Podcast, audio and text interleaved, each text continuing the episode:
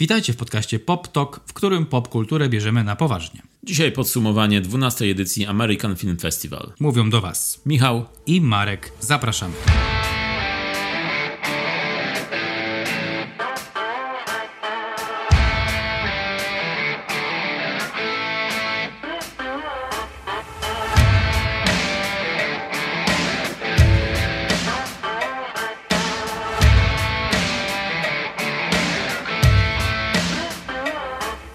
9-14 listopada we Wrocławiu odbyła się 12. edycja American Film Festival, czyli festiwalu, który prezentuje kinematografię amerykańską, głównie niezależną, ale są też retrospektywy klasyków, jest e, konkurs spektrum um, filmów niezależnych, aktualnych amerykańskich, filmów dokumentalnych. Są hity festiwalowe e, z produkcji amerykańskiej, które podbiły festiwale na całym świecie w ostatnich miesiącach. To jest takie kino amerykańskie z zeszłego roku pod e, lupą, można powiedzieć. Na festiwale przyjeżdżają goście, którzy reprezentują swoje filmy, reżyserzy, e, montażyści, aktorzy, producenci, wszyscy, którzy są zaangażowani jakoś w dany tytuł. Niektórzy z nich odbierają nagrody. W, główną nagroda to Indie Star Award, ale są też nagrody w konkursach e, Spectrum lub American Dogs. Indie Star Award y, to jest nagroda dla takiego twórcy, który już przez wiele, wiele lat tworzy i jest, można powiedzieć, takim ikoną kina amerykańskiego niezależnego. I w tym roku był to John Waters, który przyjechał na festiwal odebrać tę nagrodę i poprowadzić masterclass, na którym też byliśmy, i porozmawiać z fanami i nowymi widzami swoich filmów podczas e, prelekcji do choćby różowych flamingów. Choćby. I zdobywał też nowych fanów w postaci na przykład Marka. Marka, który później siedział i oglądał na YouTubie, jak e, to niektórzy jedzą kupę. Okej, okay, Michał. TMI. Także mieliśmy okazję obejrzeć trochę filmów kina niezależnego amerykańskiego.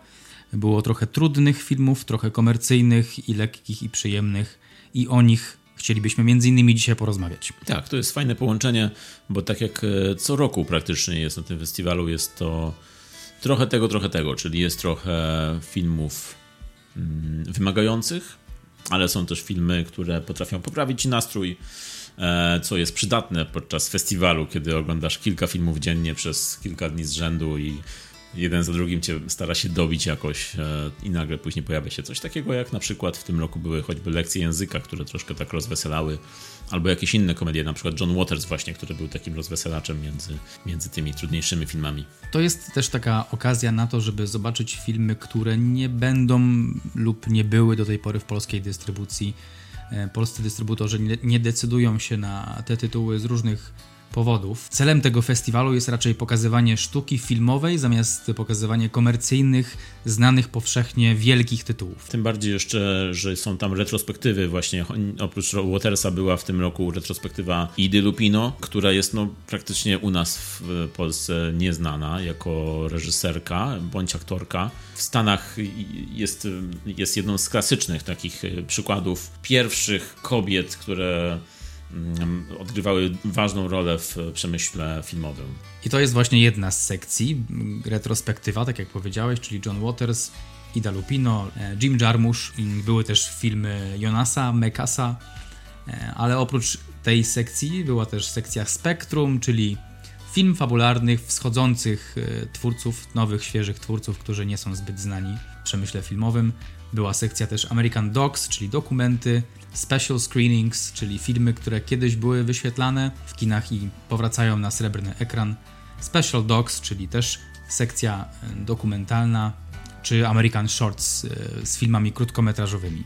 No jeśli o nas chodzi w tym roku, hmm, zaliczyliśmy prawie wszystkie te sekcje. To, co ominęliśmy na pewno w tym roku, to jest choćby retrospektywa Jima Jarmusza. Hmm, ale to dlatego myślę, że są to filmy ogólnie dostępne, filmy, które znamy, filmy, które no, możemy obejrzeć sobie w każdym innym miejscu. Jest to na pewno fajna inicjatywa, żeby zrobić jego retrospektywę, ale no, nie jest to oryginalny pomysł na pewno. Tak, tak jak właśnie wspomnieliśmy, kluczem e, tego festiwalu jest oglądanie filmów, które nie są dostępne w naszym kraju lub było, były bardzo dawno temu lub będą dopiero za pół roku, rok w dystrybucji polskiej, po to, żeby też te swoje horyzonty trochę poszerzyć. I my mieliśmy też taki klucz właśnie oglądania, czyli dobieraliśmy bardziej filmy, filmy pod kątem tego, czy możemy je gdzieś indziej później obejrzeć, czy nie, bo jeśli na przykład były do wyboru e, choćby film Jarmusza i film Aide Lupino, no to ja osobiście wolałem, wolałem zobaczyć Aide Lupino, ponieważ wiem, że ciężej byłoby mi gdzieś indziej ją zobaczyć, a bardzo mnie interesuje, wiadomo, i Jarmusz i Lupino, ale Jarmusza mogę zobaczyć w domu. To jest tak jak w tym memie. Mamo, mamy Jarmusza w domu. Nie, to nie tak szło. Ale teraz już tak będzie. Ale teraz szło. tak będzie, tak. Mm, tak.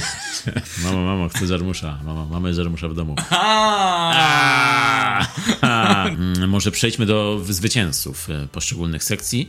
E, Sekcja Spektrum, czyli tak jak wspominałeś, filmy fabularne, niezależne z ostatniego roku w kinie amerykańskim. Mm, Były tam filmy, powiedziałbym, wyrównany był poziom. Tam co roku jest wyrównany poziom, czyli większość z nich jest dobra bądź bardzo dobra. Zdarza się, tak pojedyncze się zdarzają takie słabsze tytuły. Mm, Natomiast zwyciężył film pod tytułem Król nie żyje. Down with the King w oryginale. W reżyserii Diego Ongaro. Film o Mercury Maxwellu. Przede wszystkim tematyka tego filmu była oryginalna, czyli jest to mm, raper na wsi. To jest już sam ten opis brzmi, tak, że Brzmi chcesz to, chcesz to obejrzeć. No. Tak. Wbrew temu opisowi jest to coś więcej, czyli to nie jest tylko tak jak jakby żart raper na wsi, tylko jest to naprawdę całkiem spoko takie studium jego, jego osobowości i tego jak się zmienia em, z rapera w kogoś, no można powiedzieć w kogoś dojrzalszego. Chociaż nie, nie, nie twierdzę, że raperzy nie są dojrzali. Don't, don't beef with me. Don't go there. yeah. Tak, tutaj się zgodzę. Ten film rzeczywiście opowiada o raperze, który znalazł się w pewnym miejscu, w pewnym spokojnym miejscu, którego nie wiedząc wcześniej bardzo potrzebował i tam trochę prześwietla siebie i podejmuje różne decyzje. No w każdym razie chodzi po lesie i tam zbiera grzyby i poluje. Bardzo dobry film, e, w moj, moim zdaniem. Może nie zmienił we mnie nic i nie, nie uważam go za jakiś wyjątkowy, ale myślę, że w tym konkursie był jednym z lepszych. Nie, nie najlepszy według mnie, ale był jednym z lepszych i na pewno, na pewno był taki do przemyślenia. No i bardzo dobrze zagrany. Były tam momenty bardzo takie muzycznie fajne. A drugi film, który wygrał w kategorii American Dogs, czyli dokumenty. Królowa pracująca w reżyserii Angeli Waszko lub Angela Waszko bardziej opowiada o mężczyźnie, który jest drag i też przechodzi pewną ścieżkę z pracy biurowej do występowania na, na scenie w programie RuPaul's Drag Race i to mi trochę się łączy z, tematycznie z tym filmem, z, który wygrał w Spektrum. Też widzimy postać, która przechodzi jakąś wewnętrzną zmianę, odkrywa coś w sobie i próbuje, próbuje dokonać zmian e, w zgodzie ze swoją osobowością, w zgodzie z tym, co widzi dookoła i na tej podstawie podejmuje decyzje po to, by było lepiej. I podoba mi się ten, ten, ten motyw. A tym bardziej, że choćby w tym filmie Król nie żyje, jest to, jest to temat potraktowany em, dosadnie, ale też z humorem. Można, można się tam trochę też pośmiać na tym, na przykład e, bardziej z tekstów i z tych postaci, z tego, jacy są naturalni, z tego, em, z interakcji między nimi. Ogólnie wydaje mi się, że oba, oba filmy w obu kategoriach się udały. Natomiast jeśli chodzi o takie rozczarowanie festiwalowe, to najgorzej przyjąłem film Bracia Sparks, opowiadający o braciach Sparks w reżyserii Edgara Wrighta, który basically opowiada o e, muzykach. Jest to taki dokument biograficzny pokazujący artystów i ich ścieżkę od od samych początków do, do dnia dzisiejszego pokazuje historię ludzi, którzy najbardziej dzisiaj powiedziałbym są znani, e, mogą być znani e, dla osób, które nie słyszały z tego, że pisali scenariusz do filmu Annette i zajmowali się muzyką w tym filmie. Jest to ten najnowszy film z Adamem Driverem, film musical taki teatralny i nie miałem żadnych oczekiwań idąc na ten film właściwie uznałem, że Edgar Wright może być naprawdę bardzo udany, muzyczny, rozrywkowy film ale okazał się być raczej takim totalnym fanboizmem, takim na maksa, którego ja jako człowiek, który nie słyszał nigdy o Sparks, trochę byłem zmęczony. Tak, bo to jest rzeczywiście, to zależy od tego, kto jest widzem, czy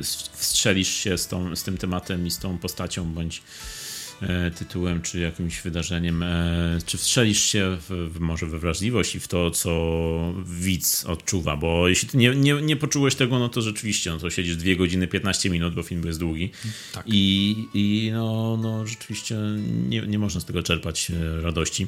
Ja z kolei też nie znałem Sparksów wcześniej, ale mi się bardzo spodobało i, i ten zespół jako jako zespół, ich muzyka i jako, oni jako postaci ciekawe bardzo i historia bardzo mnie ciekawiła. Te, te dwie godziny bardzo mi szybko zleciały i ta fanowska energia jakoś mi się udzieliła. Um... To był ogólnie dobry film. To był dobrze zrobiony film i ja lubię filmy, filmy Wrighta, dlatego też poszedłem z taką pozytywnym, z pozytywnym nastawieniem, z otwartą głową. Natomiast no, zniszczyła mnie ilość, tam było bardzo dużo informacji i to długo, długo trwało i nie, nie, nie ujmuje ich karierze zrobili naprawdę dużo dla muzyki. Natomiast tak, no zupełnie nie, nie, nie byłem, nie, nie mógł we mnie trafić Edgar tym. Rozumiem, rozumiem cię. E, ja akurat jestem w przeciwnym obozie, bardzo mi się podobało, ale no tak jak mówisz, rzeczywiście jak coś nie jest, nie, nie, no nie trafia w wrażliwość czy w gusta widzę, no tutaj ciężko, żeby te dwie godziny dobrze spędzić, tym bardziej, że to jest taka formuła, że jest e, historia bardzo szczegółowa, przedstawiona ich z album po albumie, wszystkie wzloty i upadki są pokazane ich i jest to naprawdę bardzo taka encyklopedyczna, mm, encyklopedyczny seans. E, także no, to kto lubi rzeczywiście. Jeśli ktoś lubi zespół, no to polecamy. Jeśli ktoś nie zna, no to tutaj raczej trzeba by najpierw posłuchać chyba tego zespołu, czy to jest w waszej, um, czy to w wasz, waszym guście jest, czy nie. A zachęcił cię Edgar do słuchania? Tak, Słuchałeś ich albumów? Tak, słuchałem. Słuchałem pojedynczych piosenek e, i zamierzam jeszcze ich słuchać. Bardzo mi się podobało i bardzo oni mi się jako postaci podobają, jako ich wykreowane um, takie alter ego na potrzeby ich zespołu, które się zmieniało przez lata. No i właśnie rzeczywiście teraz ewoluowali jeszcze w scenarzystów do tego, oprócz autorów piosenek, którzy, którymi byli do tej pory. Ciekawa, ciekawa kariera, tym bardziej, że już ta kariera 50 lat już, już trwa, więc pół wieku już tworzą, a nadal nie odnieśli takiego sukcesu właściwie na jaki zasłużyli i jaki pokazuje Edgar Wright w swoim filmie. A jakie są twoje rozczarowania, Michał? Co, ty, co, co ci się miało podobać, a nie podobało?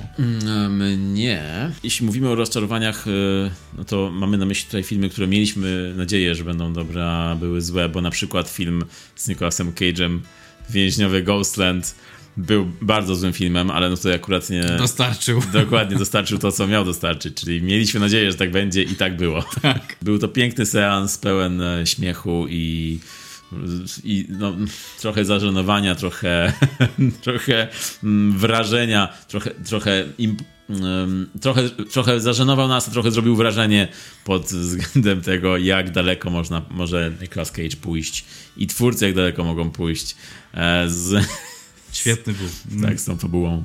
E, tak, no, no było to bardzo przyjemne, bardzo złe, ale bardzo przyjemne doświadczenie. Natomiast film, który rozczarował mnie, to był film z konkursu Spektrum fabularnego. Film, który się nazywa Strachy 61. Właściwie co roku jest w, w programie festiwalu, czy American Film Festival, czy Nowe Horyzonty, jakiś taki e, czekający diament do odkrycia, diament złe, złego kina praktycznie mm, często się... Czyli węgiel. Tak, czyli węgiel, taki czarny, czarny węgiel.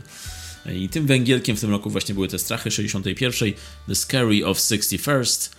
Film w reżyserii Daszy Nekrasowej. No i miałem tutaj oczekiwania wobec tego filmu. Był zapowiadany jako thriller, trochę horror.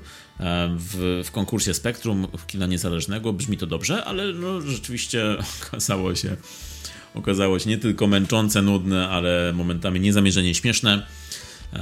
Taki tani, tani thriller horror, który, w którym aktorzy są chyba wzięci wśród, wśród znajomych reżyserki i próbują przekazać to, co reżyserka miała na myśli, a reżyserka próbuje być trochę takim, trochę takim linchem, trochę kimś, kto chce zrobić coś dziwnego, mm, coś, e, coś za grosze, ale wychodzi taki bełkot z tego.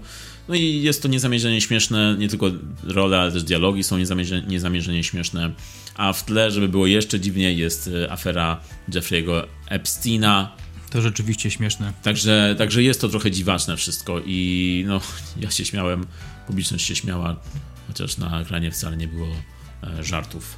Także i był to jeszcze seans mm, ostatni tego dnia, więc Myślałem, że mnie chociaż trochę wystraszy albo wzbudzi jakieś emocje, ale tym, tymczasem bardzo mnie ułożył do, do snu tego dnia. I tak Michał siedzi jak ten ping, pingwinek na memach. Teraz ja już nie chcę oglądać. tak, tak jest. Także to był film, który mnie najbardziej rozczarował. A myślę, że znajdzie się za to dużo więcej filmów, które nam się bardzo podobały. I tym płynnym przejściem przechodzimy do naszego top 5 z filmów festiwalowych. Dobrze, no to co? Zaczniemy od piątego miejsca i będziemy yeah. szli w górę. Numer 5. Mój numer 5 to film pod tytułem W czym mamy problem? Lub identyczny tytuł po angielsku Serial Mom. Do teraz zastanawiam się, dlaczego polski tytuł nie mógł być po prostu Seryjna Mama. To jest bardzo fajny tytuł. dlaczego? Nie, nie, rozumiem. Film wyreżyserował John Waters, już wspomniany, czyli król kampu, czyli gość American Film Festival 12 edycji i zwycięzca Indie Star Award. Co mogę powiedzieć? Film był super, bo był hollywoodzki, był taki lekki, taki amerykański typowo, z taką lekkością wszystko było przedstawione, mimo że mm, pokazywał problem dosyć okrutny, bo było tam dużo morderstw. Problem morderstw. problem morderstw w Stanach jest bardzo poważny. A John Waters, jak się dostał do Hollywood, to tym Hollywood się tak pobawił i pokazał nam e, swój film, ale w taki sposób hollywoodzki i to mi się bardzo podobało, bo to było lekkie i na tym można było się tak często pośmiać i porobić sobie żarty z hollywoodzkiej konwencji. Ale też można było zobaczyć, o, John, ty to zrobiłeś, widzę to, I see what you did there. Dlatego to bym dał na takim piątym miejscu. To jest taki bezpieczny tytuł Watersa dla mnie i tym zostaje. No nawet John Waters sam w, podczas swojego masterclass wspomniał, że to jest jego ulubiony film z swojej filmografii.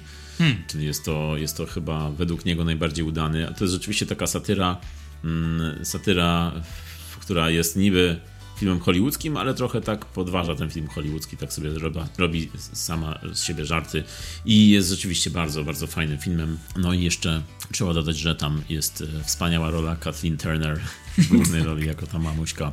Świetne jest. Zabójcza mamuśka. Jeszcze jeśli chodzi o tłumaczenie tytułu, to nie wiem, czy zwróciłeś uwagę, ale polskie tłumaczenie jest grą słów, ponieważ jest w czym mamy problem. Fuck yeah. Yes. Czyli jednak coś tam jednak próbowali zrobić. Coś tam robili, tak. Coś tam no robili. Nie... Na mojej liście też się pojawi John Waters jeszcze, mm, e, później, zobaczymy.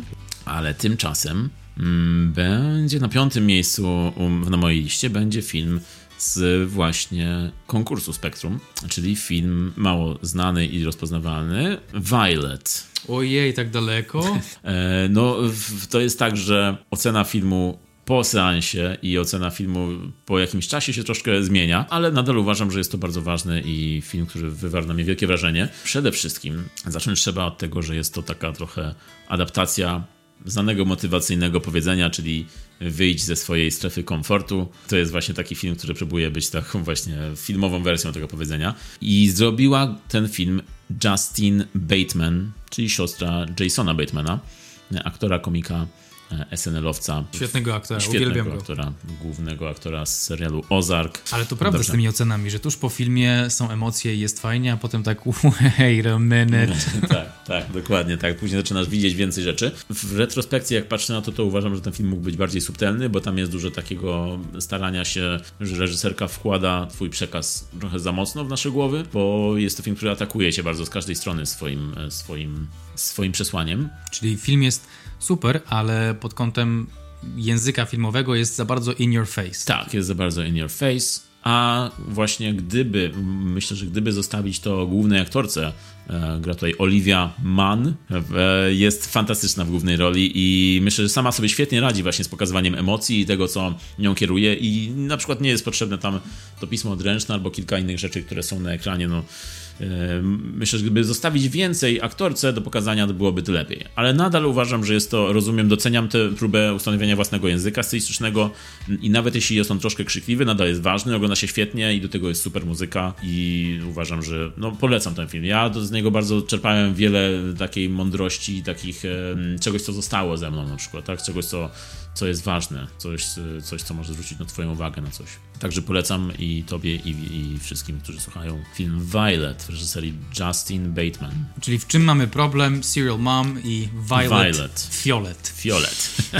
no to a propos, a propos problemów, na czwartym miejscu mam e, film pod tytułem Jak stąd na księżyc albo to the Moon. Scott Friend jest reżyserem filmu Jak Stąd na Księżyc. Podejrzewam, że tutaj tytuł miał oznaczać pierwszą część tego powiedzenia To the Moon and Back w charakterze wyznawania sobie miłości. Ale tytuł kończy się na słowach Moon, czyli brzmi To the Moon i już nie wracają z tego księżyca. Which is good, I'm fine with this. Jest na czwartym miejscu, ponieważ jest to jeden z tych filmów, które nie były dla mnie rewelacyjne, ale zostaną ze mną przez długi czas. Nie do końca wiem czemu tak jest. Pojawiają się od czasu do czasu filmy, które nie za dużo wnoszą. To nie są takie filmy, z którymi się uosabiam i widzę tam dużo siebie lub, lub one jakoś na mnie wpływają tak, że ja ten, ten swój horyzont jakoś poszerzam. Film polega na tym, że oni jako para znajdują się w domku e, w lesie i niespodziewanie spotykają brata tego głównego bohatera i film film jest mocno oparty na, na ich relacjach, na tym, co się dzieje między, między nimi. Był trochę taki odklejony od rzeczywistości, chyba o to w e, tym chodziło, i to było, to było przyjemne, miało to swój charakter. Taki trochę klimat grozy, taki był trochę niebezpieczny na krawędzi. Nie do końca wiedzieliśmy, co tak naprawdę się dzieje. I był intrygujący, natomiast daję go na czwarte miejsce, bo podejrzewam, że zostanie ze mną. To był dobry film, rzeczywiście to był dobry film. E, mnie się też podobał i trzeba tutaj powiedzieć jeszcze, że ten projekt wygrał e, w poprzednim roku, w 2020, na festiwalu American Film Festival, e, w konkursie US in Progress, czyli wtedy był jeszcze rozwijany i ten scenariusz i cały projekt dostał nagrodę dyrektora PISF-u, Polskiego Instytutu Sztuki Filmowej, e, czyli wsparcie do, w, w tworzeniu, w, w postprodukcji. Mm, I właśnie w tym roku mogliśmy go już zobaczyć, więc to jest też takie fajne przejście, że w zeszłym roku on wygrał postprodukcję u nas w Polsce i w tym roku już był e, do obejrzenia. I rzeczywiście ten scenariusz, ten projekt jest e, no, ciekawy, naprawdę. No, nie uważam, żeby on może. Mm, można było tam jeszcze lepiej y, zrobić kilka rzeczy, ale nadal uważam, że jest to taki trochę nóż w wodzie, tylko że w lesie. Czarna komedia, trochę thriller i ten postaci i ten klimat bardzo urzekające są. Dobrze, to było twoje czwarte miejsce, a u mnie na czwartym będzie no troszkę mocniej. Ale poczekaj, nie było... Numer cztery. Na miejscu czwartym, no tutaj troszkę będzie trudniej, ciężej i mroczniej, bo tutaj wrzuciłem film e, Mas, Odkupienie film, który obejrzeliśmy ostatniego dnia festiwalu i nie mógł być to... To naprawdę był ostatni dzień festiwalu. ostatni dzień festiwalu i nie mógł być to e, lepszy dzień na obejrzenie go po całym tygodniu oglądania trudnych filmów. Jeszcze to na dobicie było to odkupienie, e, który jest no praktycznie trochę jest jak sztuka teatralna, bo dzieje się w jednym miejscu, tylko z jakimiś małymi mm, przebitkami mm, i opowiada o, właściwie no jest... Jest zapisem spotkania dwóch e, rodzin, czyli rodziców mm, chłopca, który zginął w strzelaninie w szkole i rodziców chłopca, który, który był tym strzelającym, który był, e, zaatakował e, uczniów swojej szkoły i zabił tam z 12, e, z 12 nastolatków, w tym właśnie chłopca, który, który, którego rodzice właśnie siedzą naprzeciwko, naprzeciwko e, nich. No i jest to, no, jak, jak możecie się spodziewać, jest to dawka naprawdę takich emocji. Wow, po prostu było tam, co tam, mimo że tam było cały, cały czas te cztery twarze były tylko na ekranie, mm, to było coś po prostu bardzo poruszającego. Ja nawet, szczerze mówiąc, mm, nawet nie wyobrażam sobie, jak można by zacząć pisać te dialogi i ten film, jak można by kontynuować to pisać, jak można by to zakończyć, bo to jest naprawdę coś takiego, co naprawdę ciężko sobie wyobrazić, jak, może, jak mogłoby coś takiego przejść, takie spotkanie. A tutaj w tym filmie Frank Kranz, który napisał scenariusz i wyreżyserował, no, poprowadził to mistrzowsko, bo jakimś cudem od początku do końca brzmi to wiarygodnie, realistycznie, jest e, wciągające, wciąga samym słowem mówionym, gestami ich i cały czas właśnie te, tych czterech aktorów, czworo aktorów jest na ekranie.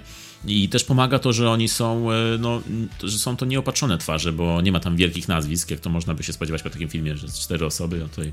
Jest e, ojciec Draco Malfoya. Jason Isaac, czyli Lucius Malfoy właśnie z Harry'ego Pottera, ale jest też między innymi Anne Dowd, aktorka znana, rozpoznawalna z roli Marty z opowieści podręcznej. Mm, też, y, też bardzo charakterystyczna Ojej, rola. rzeczywiście. Tak, dokładnie. I ona tutaj zagrała całkowicie inaczej i też była świetna. No i ta czwórka aktorów y, jest tutaj niesamowita, bo to, co oni pokazują, te emocje, które pokazują i te, które wstrzymują, wszystko jest tutaj po prostu tak na ciebie działa. Tak, to jest tak. niesamowite, jak musieli dużo kopać w sobie, żeby wydobyć takie emocje, bo to było takie wszystko autentyczne, jak to się oglądało. Na krawędzi fotela patrzyło się w ekran przy każdej scenie. Strasznie wycieńczające to było, um, ale dlatego, że dużo było autentyczności tam. Tak, tak. No i właśnie to, ja to bardzo doceniam w tym filmie, to, że on jest taki wycieńczający i to, że on tak działa, e, no bo naprawdę jest to niełatwe, żeby stworzyć coś takiego, taki tekst, jeszcze taki film, no, który przez dwie godziny trzyma cię w jednym miejscu z czwórką aktorów i naprawdę czujesz, że to jest jakby to był zapis dokumentalny, a jest fabularny. I tak jak reżyser sam powiedział, nawet jest e, to praktyka, która jest w niektórych krajach stosowana, czyli yy, przeciwstawianie sobie rodziców właśnie ofiary i rodziców zabójcy i żeby doszli do no właściwie do czego mają dojść. Tutaj to jest też właśnie ciekawie poruszone w film, filmie, bo no wiadomo, że nie będzie to ani jakieś rozgrzeszenie, ani nie będzie to jakieś porozumienie między nimi, to jest tylko coś, co może im pomóc w jakiś sposób jednym mm. i drugim. Ale czy pomaga, czy nie, to też w filmie jest e, tak ciekawie pokazane. Jest rzeczywiście, nie, nie jest to takie turbo jasne, ale, ale wszyscy wszyscy tam się spotykają po to, żeby, żeby poczuć jakieś katarzis. Tak, tak. I każda z tych osób pokazuje to inaczej, odczuwa inaczej, każda kończy w innym miejscu. Ciekawe, to jest bardzo, bardzo ciekawe. Polecam ten film. Jest e, przewidziana premiera polska premiera już niedługo, bo będzie tutaj. O, proszę bardzo, nawet co najlepsze jest to film, który będzie miał premierę w Wigilię w Polsce. Nie żartuj. Naprawdę. Najgorszy dzień. Najgorszy dzień. Nie idźcie w Wigilię. Nie idźcie w Wigilię. chodzi? Polsko. Najpierw cicha noc, teraz to. Nie, podejrzewam, że pomiędzy też coś było. Nie idźcie w Wigilię. Nie idźcie w Wigilię na ten film. Nie, nie, nie. Możecie drugi dzień świąt iść na ten film. Drugi dzień świąt jest taki ok, już taki najedzony jesteś, taki już... You don't care. You don't care. Może, mogą cię naprawdę dobić już tak i odczuwasz te emocje jeszcze bardziej wtedy. Ale w Wigilię nie, nie, w Wigilię nie. Odkupienie, matko jedyna. Polecamy, polecamy, ale nie w Wigilię. Miejsce trzecie. Dziękuję bardzo, dziękuję bardzo za ten wstęp. Miejsce trzecie w zeszycie Mareczka to lekcje języka Language Lessons w reżyserii Natalii Morales jest. we współpracy tak z Markiem jest. Duplasem. To był film? Yy, czy... To był film y, napisany scenariusz. Napisali scenariusz razem, ale reżyserowała ona sama. I dziękuję Ci bardzo, Natalie, bo wyszło bardzo przyjemnie to, naj, co najbardziej mi się podobało w tym filmie, to to, że jest tam Mark Duplass. Okej. Okay. Mnie się bardziej podobało to, że jest tam Natalie Morales, bo bardziej mi się przyjemnie na nią patrzyło. Mark Duplass e, kojarzy mi się z rolami takiego, no Creepa, bo on grał w tych filmach w serii grał filmów Creepa. Creep. Tak, świetnie I grał. to była film. też podobna konwencja, bo to była kamerka, on mówił do tej kamerki. Ja już nawet po tym Creepie, jak zobaczyłem teraz na festiwalu w tym filmie go, to ja już myślałem, kurde, on będzie jakimś naprawdę jakimś tak. psychopatą czy kimś. On już ma w mojej głowie taką metkę, ale tutaj był całkowicie inny. Tutaj właśnie ta metka mi towarzyszyła i pomyślałem sobie, dobra, będzie dziwnie, ale przetrwam.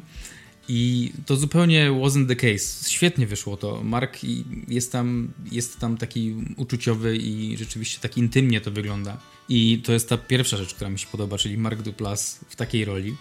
E, druga rzecz to to, że mimo, że nie odniosłem jakiegoś wyraźnego wrażenia, że jest to film o pandemii, ale pokazuje, pokazuje to, co niektórzy z nas mogliby przeżywać w trakcie pandemii. Pokazuje, że dwójka, e, pokazuje, że przyjaźń jest bardzo potrzebną rzeczą w życiu e, człowieka i, i jeśli człowiek naprawdę chce znaleźć przyjaciela, to nie widzi barier. To wyszło wszystko tak, tak naturalnie. Trochę patrzyliśmy na siebie poprzez ten film i na, na to, co nam się mogło wydarzyć w trakcie wszystkich lockdownów. A wiadomo, że ludzie, ludzie chcą innych ludzi. I w tym filmie widać, widać tę rzecz, która jest całkiem um, piękna jako, jako taka część człowieczeństwa, że lgniemy do siebie mimo wszystko.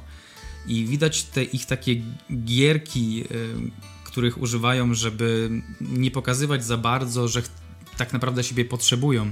I to wszystko było takie, takie urocze i dla mnie jakieś takie bliskie, dlatego tak dobrze mi się to oglądało. Właśnie ten, e, to, że mamy tą pandemię i całkiem inne czasy nastały, to całkiem inaczej rozumiemy ten film, to co się dzieje, bo jeszcze kilka lat temu mm, nie byłoby to bardzo zrozumiałe, czemu ci ludzie siedzą w domu, rozmawiają przez ten komputer i byłoby to całkowicie nierealne, że jak on taki ma wielki dom, siedzi w domu i cały dzień ma czas na coś, a tutaj teraz rozumiesz, to, to jest ten kontekst całkiem inny, tak. wprowadził to, że że czujesz. Nawet oni nie muszą mówić, co się dzieje na świecie, ale wiadomo, że oni siedzą, bo, bo siedzą są samotni w domu jeszcze. Mark Duplass e, gra faceta, który traci partnera nagle i, e, i robi to tak, nie jest to rola taka typowo dramatyczna, czyli on nie siedzi, nie płacze, tylko jest taka cała ranga emocji pokazana tutaj w, u niego i mm, przez różne emocje aż do jakiejś akceptacji tego i właśnie w tym pomaga mu ta Natalia Morales, która swoją drogą naprawdę uważam, że jest to moje odkrycie tego festiwalu, bo jest i urocza, i piękna, i super zagrała, i jest jeszcze reżyserką tego filmu. No, wow. Lekcje języka są e, dostępne na VOD. Na miejscu trzecim u mnie jest właśnie film Johna Watersa. E, z retrospektywy gościa, który odebrał e, Indie Star Award w tym roku. Jaki to jest film? E, Cecil B. Demented? Tak, Cecil B. Demented. E, dokładnie, Marek. Home Run. No to zacznę od tego, że w, w, tej retrospektywie było wiele filmów zasługujących na uwagę, bo była i eksploatacja, i był camp, kicz, było dużo kontrowersji i obrzydliwości. I wszystko obejrzeliśmy bardzo, bardzo chętnie. Wszystko polecamy. E, e, ale wśród tych filmów mnie osobiście najwięcej frajdy przyniósł właśnie Cecil B. Demented.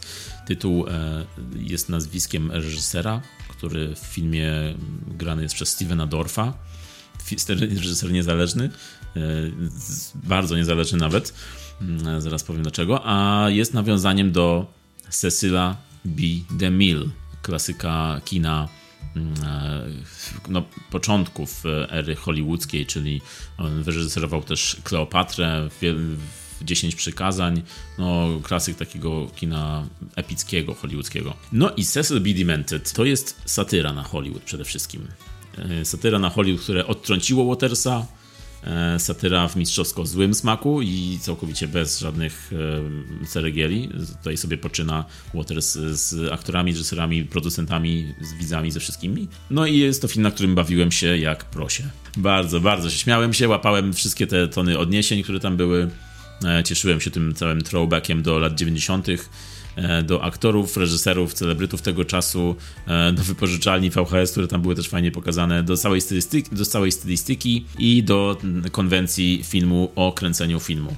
E, bo właśnie w tym filmie ten tytułowy reżyser próbuje nakręcić film ze swoją ekipą, porywa aktorkę, główną gwiazdę Hollywood graną przez Melanie Griffith i razem próbują nakręcić film w takim stylu Bowfingera, czyli tak, że kręcą nie, z nieświadomą niczego publicznością, która jest nagrywana podczas sceny na żywo. Na przykład napadają na, na kino, na restaurację i kręcą wszystko tak, jak, e, jak się dzieje. I jest to bardzo śmieszne wszystko. No i jeszcze też ciekawa rzecz, że Steven Dorff gra tutaj trochę takiego Tylera Derdena kina według wizji Watersa, a Melanie Griffith jest taką rozchaproszoną gwiazdą, która z czasem odzyskuje przyjemność stworzenia filmu. Polecam. Całość jest taka bardzo kiczowato kampowa nadal, jak to w stylu Watersa, ale jeśli ktoś lubi kino lat 90., jest, jest, jest fanem kina, to znajdzie tam mnóstwo frajdy. Jest naprawdę jest energia wow. Very high level. Lata Very. 90., energia high level. John Waters, bardzo chętnie. Steven Dorff. Steven Dorff. Ale skoro ubawiłeś się jak prosie, to teraz poproszę, poproszę... Usz, Numer dwa. Film pod tytułem Świnia z Nicolasem Cage'em. Nice. Bawiłeś się jak prosie świnia? Yeah, yeah. Co tu się dzieje? Co tu się dzieje? Great minds think alike. Reżyseria Michael Sarnowski zrobił film z Nicolasem Cage'em. Swojsko i... brzmiący Sarnowski. Prosie Sarnowski. Wszystko pasuje. Brzmi jak, brzmi jak jakieś nazwa filmy wędliniarskiej. Sarnowski. Rzeczywiście. Film Świnia, w którym e, gra Nicolas Cage i Alex Wolf, którego możecie znać z dziedzictwa chociażby, z tego horroru. W ogóle człowieka, który z memów, jak dobrze widzę, gra za dużo w horrorach, taką postać pokrzywdzoną. Tutaj jest quite the contrary, tutaj naprawdę daje sobie radę ten aktor. No ale Świnia, właśnie, co to jest w ogóle za film? Bo zupełnie nie jest taki, jaki jest Cage. Cage kojarzy mi się z głośnością, z przesadą, e, ale takim dobrym, dobrym smakiem przesady Lubię go obserwować w takich filmach z taką mocną przesadą, ale tu był zupełnie drugi biegun. Cage tutaj był wyciszony, był taki opanowany, taki cool, a film opowiada o, o świni, która została e, zabrana Nikolasowi w pewien sposób i on próbuje ją odzyskać i podczas procesu odzyskiwania tej świni poznaje różnych ludzi i spotykają go ciekawe i nieciekawe e, przygody, ale Cage w tym filmie jest e, dla mnie wzorem. Bardzo dobrze to wyszło. Ten film przed premierą brzmiał jak Taken Pig Edition, jak uprowadzona edycja ze świnią e, i to miało wyglądać jak jakiś John Wick, trochę uprowadzona właśnie jak Nicolas Cage mści się za świnię, szuka, szuka swojej świni i tak wyglądało, ale rzeczywiście okazało się całkiem czym innym. Ja mam ten film akurat we swoich wzmiankach honorowych, czyli filmach, które wzięły mnie z zaskoczenia i właśnie ten film mnie wziął z zaskoczenia, bo jest to naprawdę yy, no, taka trochę medytacja, trochę tak on jest taki medytacyjny i Cage jest tam inny niż zazwyczaj, taki bardziej wyciszony, bardziej skupiony na tym swoim celu, tak jak na tej świni której szuka i, i, w ogóle sam ten opis już brzmi ciekawy, bo jest to Cage jest szefem kuchni, który już od dawna nie, nie działa w tej swojej branży i szuka oprowadzonej świni i wchodzi w niebezpieczny świat handlarzy truflami.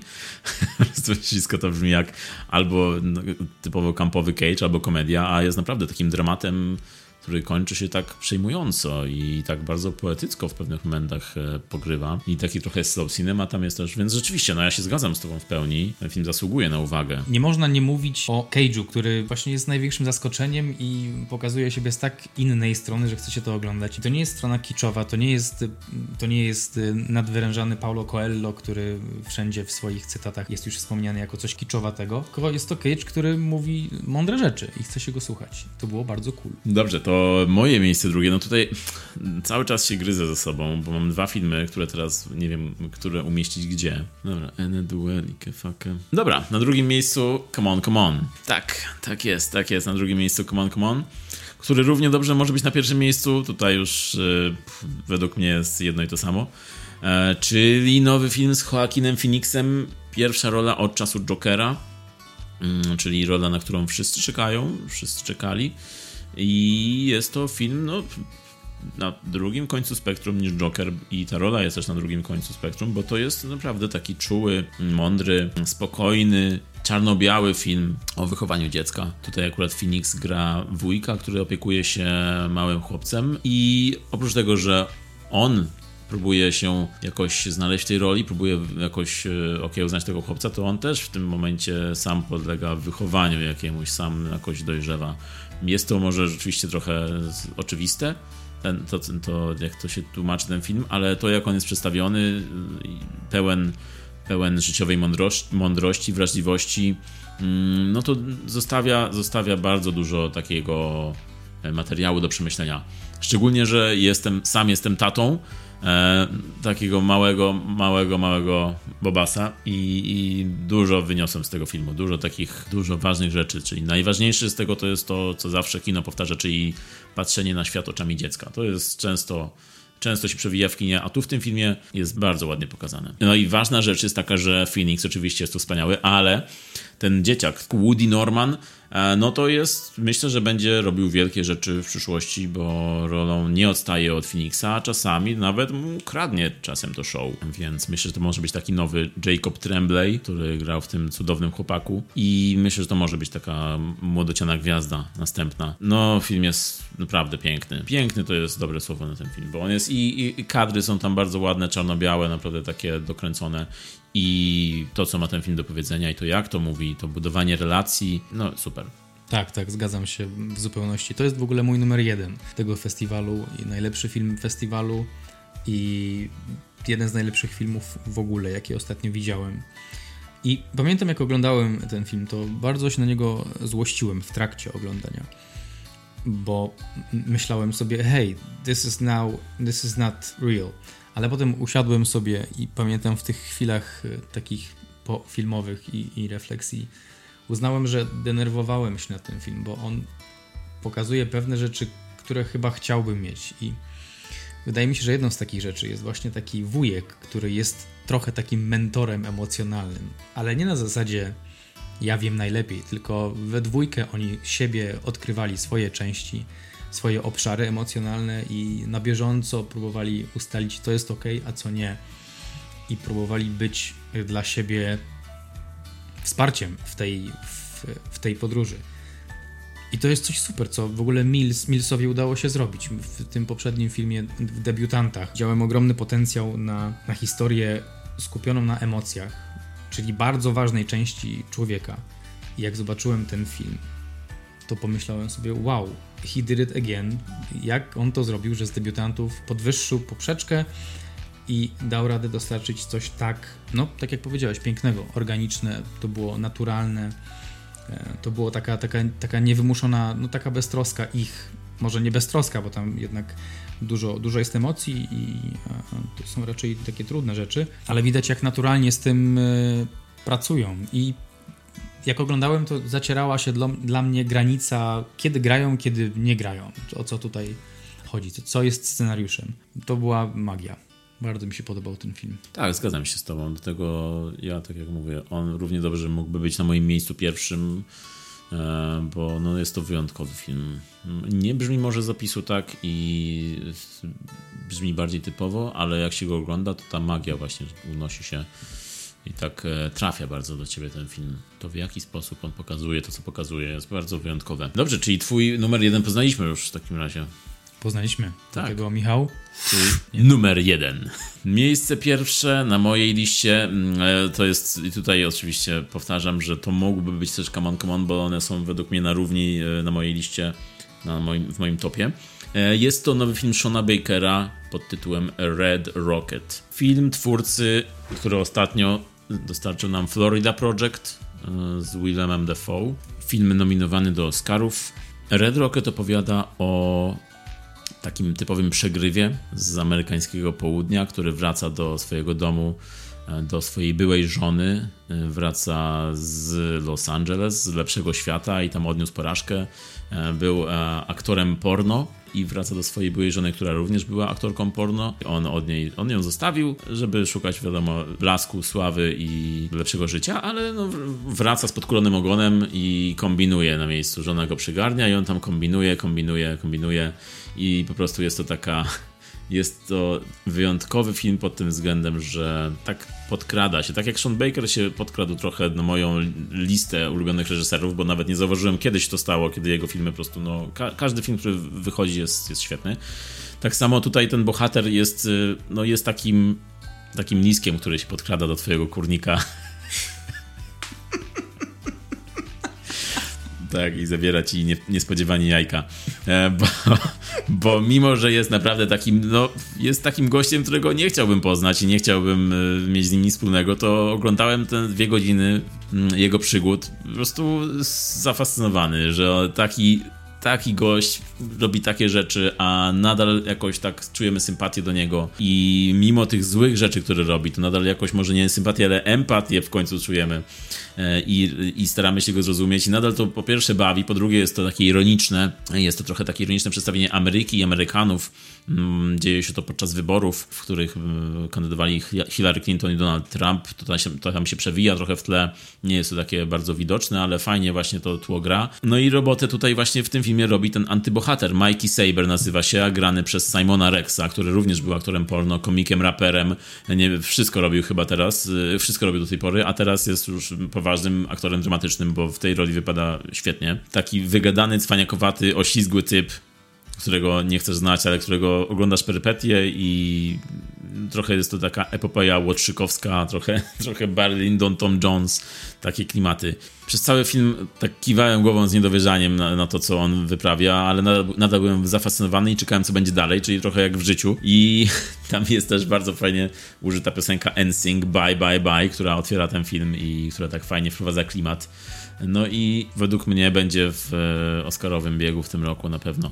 No i jest to trochę, dlatego stawiam te filmy na pierwszym miejscu, bo są to całkowicie inne filmy i Come On, Come On jest taki czuły, bardziej, taki, bardziej czuła strona kina, a Red Rocket jest taki ironiczny, zabawny, e, trochę taki właśnie ironiczny, zabawny obraz e, południa Ameryka, Ameryki, takich trochę może nie redneków, ale takich przegranych w życiu, życiowych przegranych. Świetny film, ambiwalentny, przewrotny, zabawny, no i jest tam świetny żart z Pączkiem, którym wszystkim polecamy, jak już obejrzycie, nie będę spoilował. Fantastycznie zagrany, już powiedziałem. Simon Rex świetną rolę ma, ale również młoda e, Susanna Son, odkrycie Shona Bakera, podobno ją gdzieś znalazł, e, gdzieś, gdzieś nie wiadomo gdzie i ona nie była wcale aktorką, wziął ją do filmu i wypada to rewelacyjnie.